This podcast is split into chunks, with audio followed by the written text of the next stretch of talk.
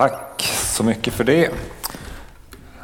Jag tänker innan jag predikar, eh, ställer upp, säg hej till någon som sitter bredvid er så vi får lite energi in i rummet här innan jag börjar prata.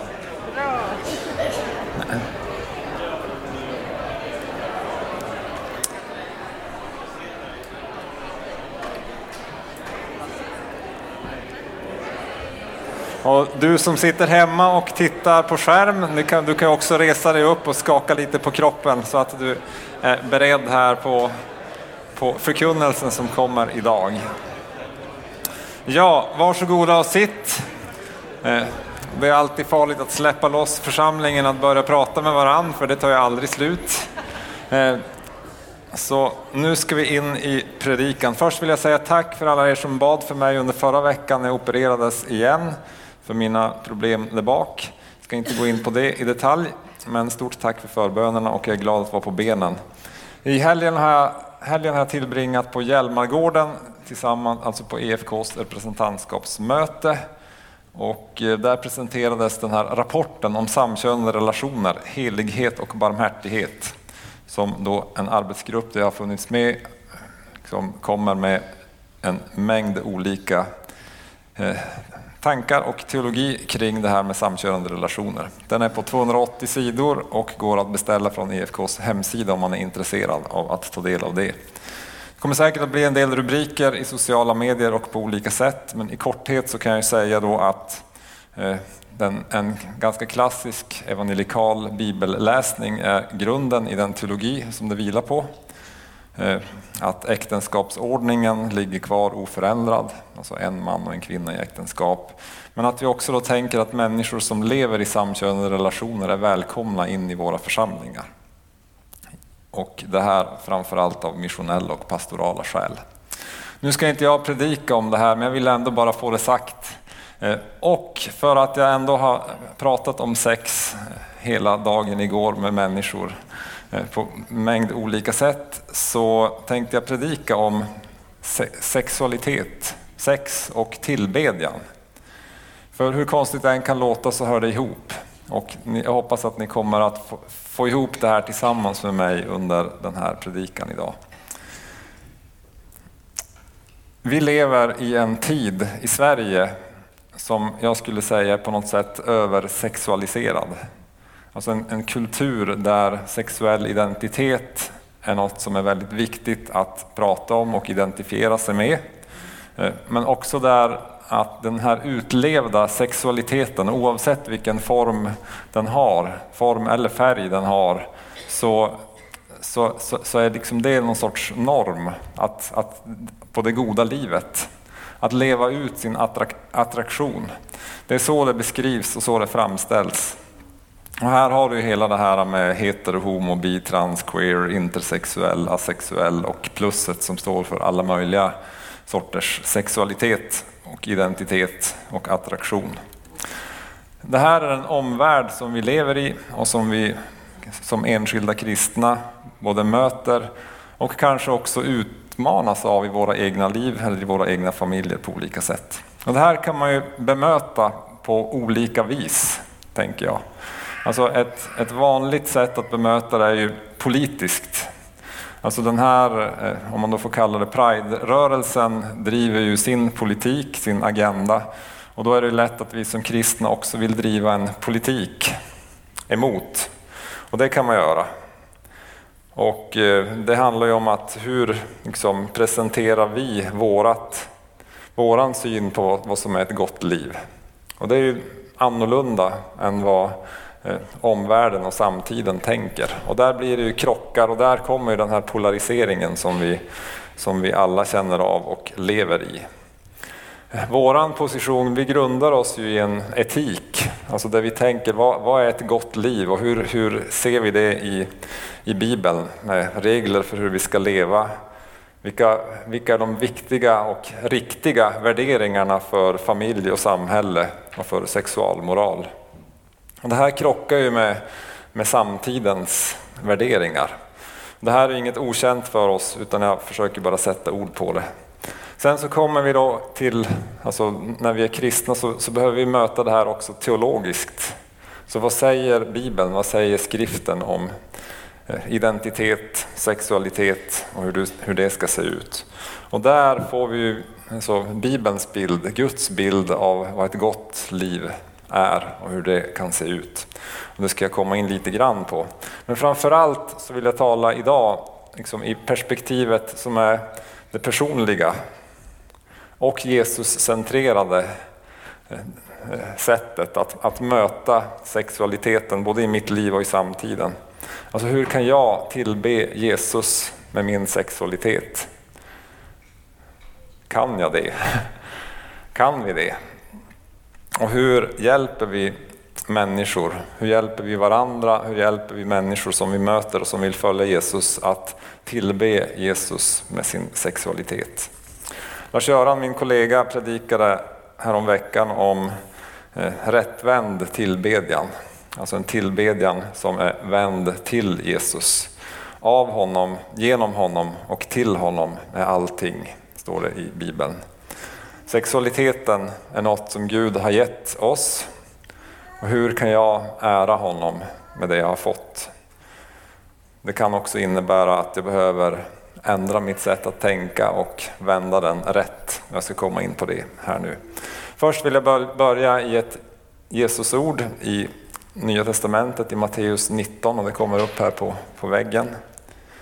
Det här är situationen när fariseerna utmanar Jesus med en fråga om, om skilsmässa.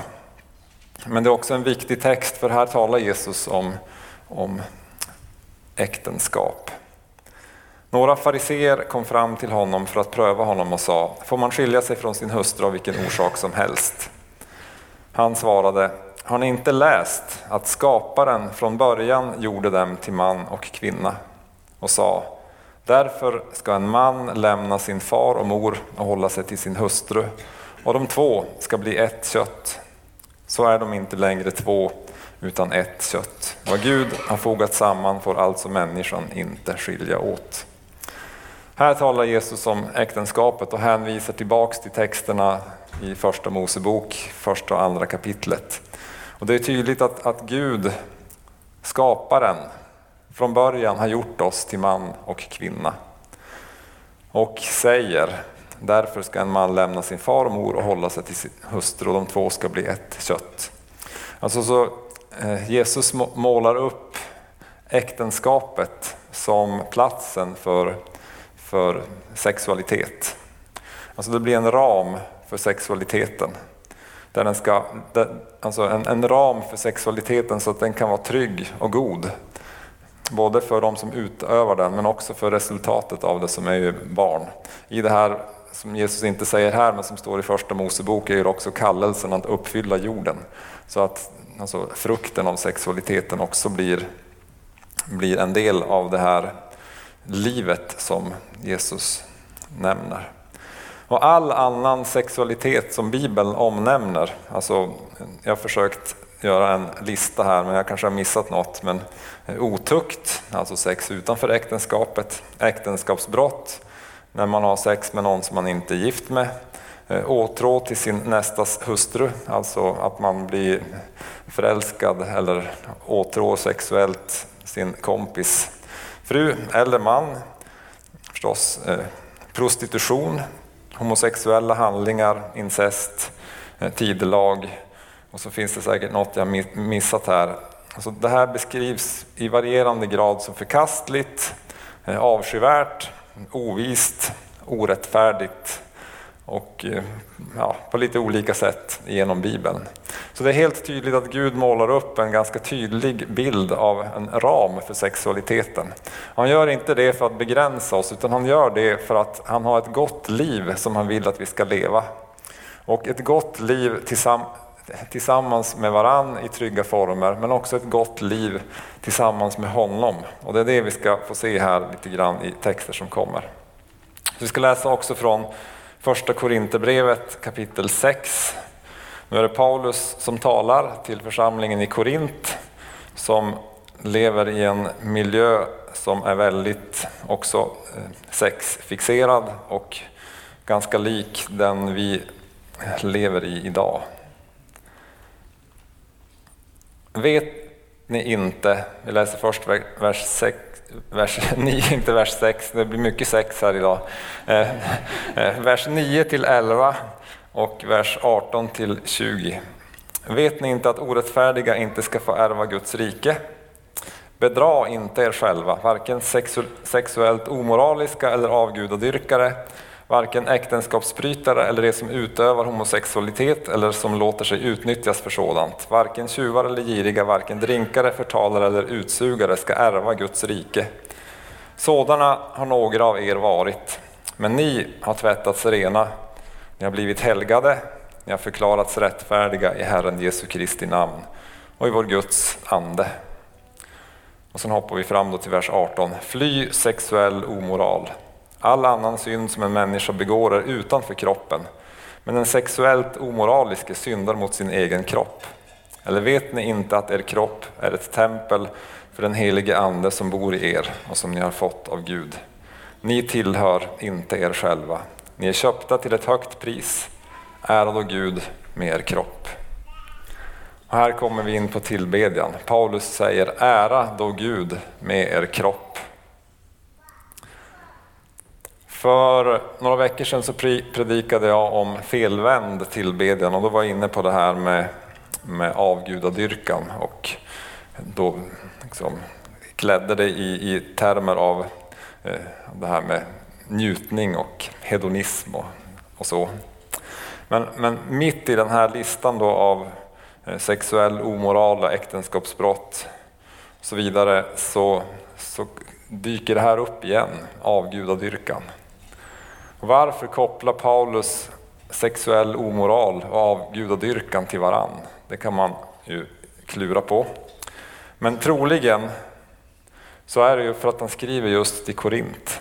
För i Korint så fanns ett tempel till gudinnan Afrodites ära, alltså kärlekens gudinna i den grekiska mytologin. Och där fanns eh, särskilda prostituerade och det förekom sexriter med de här prostituerade personerna till den här gudinnan Afrodites ära. Så Paulus kopplar verkligen liksom sexualitet till tillbedjan. Alltså vi ska inte använda vår sexualitet för att tillbe Afrodite eller någon annan avgud, utan vi ska använda vår sexualitet för att tillbe Gud. Ära då Gud med er kropp. Och det här tycker jag är, är spännande.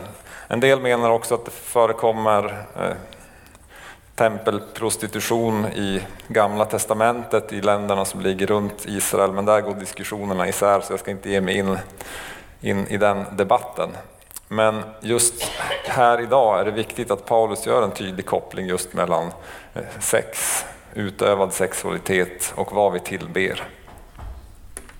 Det Paulus slår fast i den här texten också är ju att min kropp och din kropp är ett tempel för den helige Ande. Vad gör man i ett tempel? Jo, man tillber en gud. I templet i Jerusalem så tillbads ju Israels gud, våran gud. I andra tempel i Indien som jag har besökt så tillber man apgudar och elefantgudar och allt vad det är. Eh, vilken gud tillbeds i mitt tempel? Det är det som är frågan. Hur kan jag tillbe Gud med mitt tempel, med den kropp som jag har fått av Gud? Och det är det här Paulus talar om. Och som det, det Paulus verkar mena här att som kristen så orenar vi våran kropp. Vi orenar templet med en felaktigt utövad sexualitet. Så att det här andens tempel blir smutsigt eller orent. Och det här påverkar ju förstås vår gudsrelation. För det är, det är just relationen med Gud, alltså tillbedjan är ju när jag vänder mig till Gud, när jag tillber honom, när jag ger honom hela mitt liv, hela mitt allt och får, och får möta honom.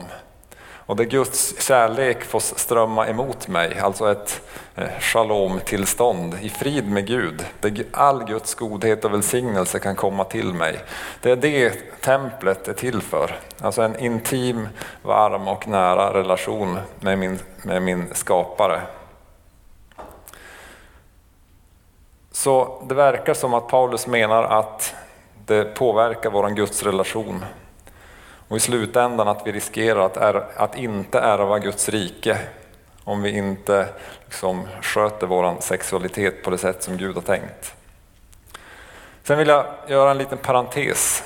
För det är ju så här att de senaste åren, både i Sverige och i andra länder, så, så läser vi om kristna ledare som har, som har varit använda av Gud, både liksom i predikan, undervisning, men också med, Eh, alltså som har betjänat människor med profetiska ord och andra sådana saker, som, som har fallit och hållit det hemligt. Men man, man kan se ändå att Gud har använt dem under den tiden. Och hur, hur kan det här komma sig? Alltså en, en av de mest kända är Martin Luther King som enligt vad jag har läst tillbringade sin sista natt i livet hos sin älskarinna. Eh, Ingen kan säga att han inte var använd av Gud. Men det var något i hans liv som, som var skevt. Och det verkar som att alltså, det, det, är lite olika saker att vara använd av Gud och att leva det här goda livet i intim relation med Gud. Så jag vill, vill, bara, vill bara säga det, för att ibland så, så kan vi lockas att rättfärdiga liksom ett, ett eh, eh orent liv med att Gud ändå använder mig. Gåvorna liksom flödar ändå genom mig. Men, men det Paulus pekar på här handlar om vår djupaste gudsrelation. Ärad då Gud med kropp. Tänk så skönt det hade varit om det hade räckt med att bara få den uppmaningen av Paulus. Eller om det hade räckt att jag kunde sluta predikan här. Ärad då Gud med, med din kropp, Gud välsigne dig. Så här. Alltså, eh, ja, det kan jag ju göra, men livet är inte så enkelt. Alltså sexualitet är inte så enkelt. Eh, verkligen inte. För vi alla på ett eller annat sätt skadade av den här världen. En av de sakerna som togs upp på, på den här dagen igår från arbetsgruppen är ju att allas våran sexualitet är, är lite skev. Lite skadad, lite brusten.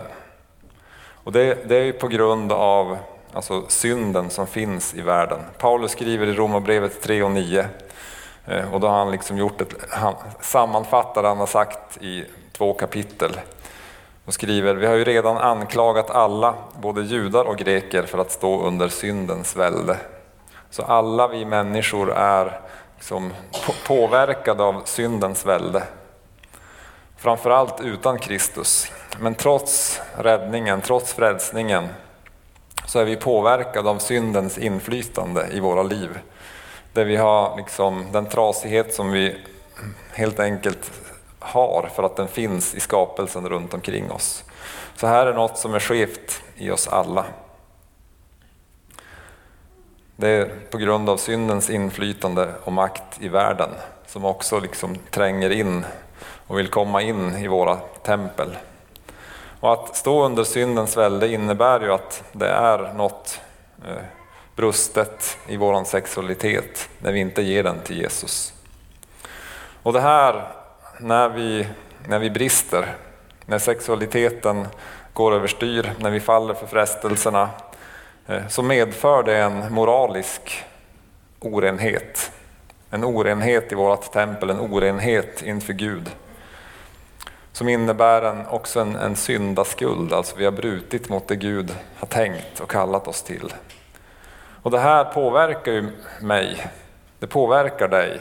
Alltså vi, vi vet alla, och jag, jag kan nog säga att ingen här har aldrig fallit på det om, alltså området kring sexualitet på något sätt. Alltså ingen av oss har levt upp till Guds standard 100% hela livet. Och vi vet att när vi har fallit så påverkar det våra hjärtan. För att det är någonting där som blir orent som släpper in orenheten och som påverkar Guds relationen. Det här är ju alltså utmaning för oss, för vi, vi, vi möter de här frestelserna hela tiden. Alltså, det, självklart så är det olika beroende på vilken fas i livet man är, eller om man är singel eller ogift och så vidare. Är man ogift och alltså en singel så så, jag menar, så, så, så, så ska man ju leva i avhållsamhet då, om sex tillhör äktenskapet. Och då har man all, hela tiden de här frestelserna, lusten, längtan, eh, alla frestelser med pornografi, eh, snygga tjejer eller killar beroende på vem man är. Det är ingen skillnad om man är hetero eller homo eller annat, alltså frestelserna finns ju där för oss alla. Det är bara det att eh, för vissa enligt Bibelns texter är det inte möjligt att gifta sig.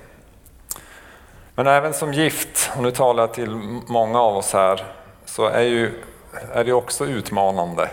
Alltså det är inte bara för att man blir gift så liksom blir ens sexualitet hel, utan man, man är fortfarande öppen för frestelser.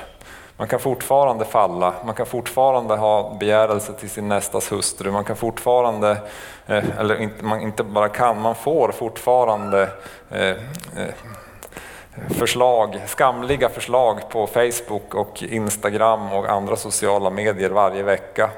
Om man är en man i min ålder. Kanske en nyhet för en del, men det, liksom, det trillar in eh, hela tiden och man får klicka bort. Och det dyker upp eh, länkar och bilder i olika flöden. Så är man på internet så utsätts man för det här hela tiden. Och då, då är det ja men vad, vad gör jag med det? Eh, även om man har riktat sexualiteten till en person så finns ju utmaningarna och frestelserna ändå kvar.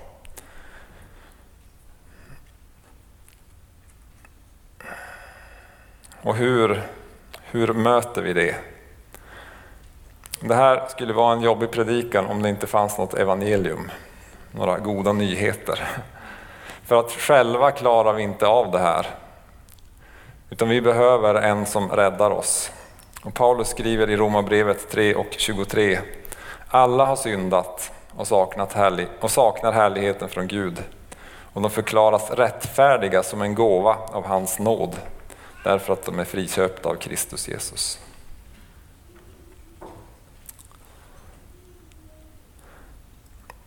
Rättfärdiga som en gåva av nåd.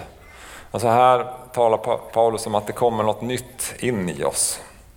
Man skulle kunna tänka att det är alltså en ny identitet som Guds barn, ny identitet som rättfärdig. Rättfärdig betyder att man är en som gör det som är rätt, helt enkelt, att man lever rätt. Det är en gåva som vi får av Jesus. Alltså här är det evangelium. Att få en gåva att kunna, kunna leva rätt, att, kunna, att faktiskt ha förmågan att övervinna frestelserna och leva rätt tillsammans med Kristus. Det är på något vis en identitet som, som blir överordnad min sexualitet. Alltså oavsett hur man tänker kring sexuell identitet så, så, så, som kristen så är det att jag är rättfärdig, att jag är ett Guds barn som är huvudidentiteten som jag, som jag kan också eh, låta min sexualitet underordnas. Så att först är jag rättfärdig, eh, sen är jag jag. Om du förstår vad jag menar. Paulus skriver i en text som jag redan, redan läst i första Korinthierbrevet 6 och 11. Men ni har tvättats rena, ni har blivit helgade, ni har förklarats rättfärdiga i Herren Jesu Kristi namn och i vår Guds ande. Och det här innebär att jag får förmågan att leva rättfärdigt av honom och jag blir tvättad ren. Det är fantastiskt att vi kan bli tvättade rena. Vi kan få förlåtelse. Vi kan få bli upprättade också i våran, alltså på de områden där vi har fallit, på de områden där vi både känner skuld för att vi har gjort, vet att vi har gjort något som är fel och vi skäms över det vi har gjort. Och där kan vi bli tvättade rena av Jesus. Det är evangelium. Och det är också evangelium att jag genom Jesus blir rättfärdig så på något sätt också få förmågan att leva med honom på det här området och på många andra områden. Och med det här så vill jag säga att vi vill vara en församling som, som ger människor evangelium först och främst. Alltså man kan ju vara en församling som eh, ger regler och tydlighet. Och jag tror att vi ska vara tydliga. Men framförallt så vill vi ge människor evangelium. Vi vill att människor ska kunna komma till vår församling och finnas i vår församling som, som brottas med, även med sin sexualitet på olika sätt. Även om man inte har un, liksom, övervunnit sina utmaningar eller kämpar med sin brustenhet på olika sätt så, så är man välkommen hit. För vi tror att i med Guds ande, i Guds gemenskap, i Herren Jesu Kristi namn så kan vi få bli både renade och rättfärdiggjorda. Det behöver också innebära att man, man vill, om man ska vara med här, att man kan leva med att vi predikar och tillämpar att äktenskap är för en man och en kvinna. Vi tänker att det är liksom Guds ram för det här. Att rättfärdigheten är en gåva och att vi kan bli förlåtna och renade och att vi behöver göra allt för att rikta oss till Jesus och tillbe Jesus med vår sexualitet, med vår kropp. Det här innebär i praktiken att vi alla behöver praktisera avhållsamhet i olika grad och på olika sätt. Att helt enkelt, och även som, som det kan jag eh, säga som, som gift i ett äktenskap så behöver man också liksom avhålla sig från en mängd saker. För jag är bara gift med en fru, inte med flera. Så jag behöver hålla mig till min... så det är en form av avhållsamhet. Jag behöver avhålla mig från en mängd andra frestelser som liksom skulle kunna fylla min sexualitet, som jag skulle kunna ge ut, utlopp för. Men, men med Guds hjälp eh, jobbar mig och väljer att inte ge mig hän till. Det är avhållsamhet. Som singel är det förstås, förstås ett större pris att betala att vara avhållsam. Men vi tror att med, med Guds gåva så, så går det. Sen så behöver vi också förstå att en församling är en bra plats att kunna leva i avhållsamhet. För i en församling, en gemenskap, så kan man också få vänner, vänskap, närhet, ömhet på, på sådana sätt som vi alla behöver. Även när man inte är gift och vill leva i avhållsamhet. Ett lite så här äh, råd av praktik. Alltså avhållsamhet som tillbedjan. Kan man tänka sig det? Jag tror att man kan tänka sig det. Alltså, att tänka att, ja, men att ära Gud, Gud med min kropp är att avhålla mig från att leva ett sådant liv som som världen beskriver, att leva ut allting, ja, men det är nog inte det goda livet. Utan det goda livet är ju att leva det liv som Gud har tänkt i en relation, nära relation med Jesus. Och för att vara, vara, vaka över den nära relationen med Jesus så behöver jag avhålla mig från en del andra saker. Och framförallt sånt som riktar min tillbedjan åt andra håll. Så att jag får tillbe Jesus från hela mitt hjärta och med hela min kropp. Hela min kropp som är renad genom Jesu blod. Och jag tänker det här som också som en, en praktik som jag själv har praktiserat. Att när frestelserna kommer, alltså när de här tankarna börjar liksom attackera mitt eh, sinne, när jag är frestad att trycka på den där porrlänken som dyker upp i, i flödet. Att jag liksom bara stannar upp och tänker Jesus, jag vill tillbe dig, jag är en som ärar dig. Så får jag lägga bort och stänga av och man kan liksom lägga på filter och grejer, men lägga bort och sen istället ta en stund och be och tillbe Jesus. Alltså det, det, finns en styrka i den tillbedjan, för att det är där också Guds relationen finns, det är där det goda livet är. Det är där jag också får smaka på, på Guds härlighet, som egentligen tror jag är den ännu djupare längtan än den längtan efter sexuell tillfredsställelse. Det här, ska jag säga en gång till, är inte enkelt. Alltså det här är en av de starkaste drifterna som vi har. Just efter alltså basbehoven av mat, dryck, sömn och gemenskap så är sexualiteten väldigt stark i oss. Och eftersom kulturen vill liksom visa att det är ett basbehov som vi ska leva ut och ge efter för så är det viktigt att vi som är Guds barn ändå håller det högt att följa Jesus också på det här området. Vi lever i Guds rike, vi lever i ett rike som är redan nu. Vi kan få kraft av Gud, men vi är ännu inte fullkomliga. Så att det finns saker i oss alla där vi kan behöva fortsatt hjälp och stöd och helande och upprättelse. Och eh, vi tänker att församlingen är platsen för det. Där vi kan tillbe Jesus frimodigt tillsammans. Jag ska alldeles strax avsluta. Du som längtar efter en fördjupad gudsrelation, du som längtar efter en fördjupad tillbedjan av Jesus i ditt liv och vill kunna göra det med din kropp helt och rent, så börjar det med att ta emot någonting från Jesus. Att ta emot gåvan av nåd, ta emot Guds nåd, ta emot Guds rättfärdighet, att ta emot Guds rening, att när du har fallit, du kanske faller igen och faller igen, men ber, be om förlåtelse och be om Guds rening. Och också berätta för någon hur det är.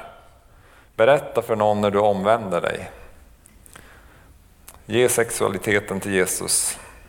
Det du kan göra idag är att söka upp alltså någon förebedjare, själavårdare eller någon av oss som du har förtroende för och bara berätta hur det är. Så kan vi be för dig. Och jag tror att liksom transparens, att berätta hur det är, faktiskt hjälper oss att ljuset får komma in i det här templet som har blivit smutsigt. Tillsammans så kan man stötta varann. Under en eh, längre period när jag bodde i Luleå så mötte jag en en annan man i min ålder som hade varit fast i sexmissbruk. Han berättade ganska öppet om det, men han ville möta mig regelbundet och bara berätta om hur, hur det gick, hur det, hur det går och vad han frestades av och vad han var tvungen att ta ställning till. Och så pratade vi om det och så bad jag för honom. Vi bad med varandra. Och han, ibland så hörde han av sig till mig när det var tufft och då kunde vi prata om det och kunde be om det. Han hade också andra som Eh, han hade var tvungen att ställa in liksom, så att när han klickade på vissa saker i telefonen så plingade det i hans frus mobil och på några andra ställen. Så, här. så att han hade byggt in lite sådana säkerhetsanordningar också. Men man kan behöva göra det för att få liksom, leva där i Guds relationen som Gud vill att vi ska vara. Och då kan vi behöva hjälpa varann. Och det, det kan kännas väldigt skamligt att säga att ja, men jag har gjort det här eller har gjort det här. Men det är också en befrielse att kunna få bekänna sin synd och få ta emot av Guds ande och Guds liv till rening och till upprättelse. Och jag tror att det finns en väg för oss alla in i ett gott liv där vi tillsammans får stå i försoningens tjänst, där vi tillsammans kan få hjälpa varann att leva försonade med Gud och med oss själva. Så att vi kan få vara fria att tillbe Jesus också med våran kropp. Amen. Herre, jag vill nu bara tacka dig för ditt ord. Jag gör det här med stor ödmjukhet och vet att det kan vara mycket kamp. Det kan vara mycket skam, det kan vara mycket, många känslor som, som finns i oss också rädsla för att släppa fram saker som, som ligger där som vi har hållit hemliga för, för andra. Jesus, vi vet att du ser och vi, vi vet att du ser på oss framför allt med nådens ögon. Du vill komma med rening och upprättelse, förlåtelse och kraft. Och jag ber att du ska hjälpa oss att vara en sån församling där vi kan, där vi kan stöt, hjälpa och stötta varann, också där det är eh, ja, sårigt och smutsigt. Så nu ber vi helige Ande, vi välkomnar dig. Vi ber att du kommer med din renhet, med din närhet. Vi ber att du kommer med, med kraft in på det här området i våra liv. Hjälp oss att tillbe Jesus med våra kroppar. I Jesu namn. Amen.